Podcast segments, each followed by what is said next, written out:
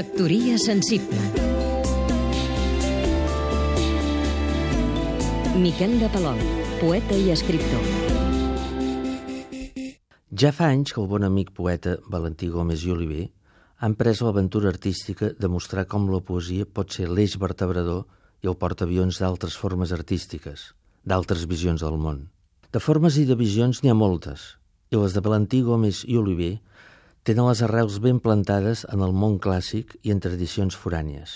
orientals, africanes, australianes. El poeta juga a explorar-ho tot,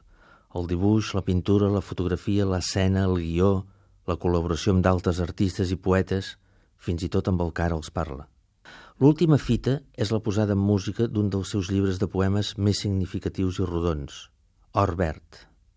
Des de la inspiració i els principis d'en Lluís Cabrera, els músics Ivan Santa Eulària i Jack Tarradellas han fet créixer fins a la condició de cançons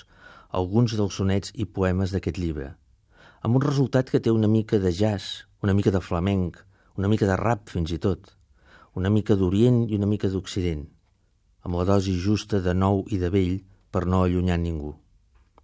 A Gómez i Oliver li agrada jugar, però es tracta de jocs enganyosos, d'autors de la lleugeresa de les formes però no de la de les intencions ni del resultat. Aquest joc és la poesia, és la vida mateixa, ni més ni menys.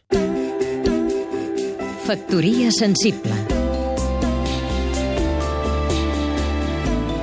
Seguim-nos també a catradio.cat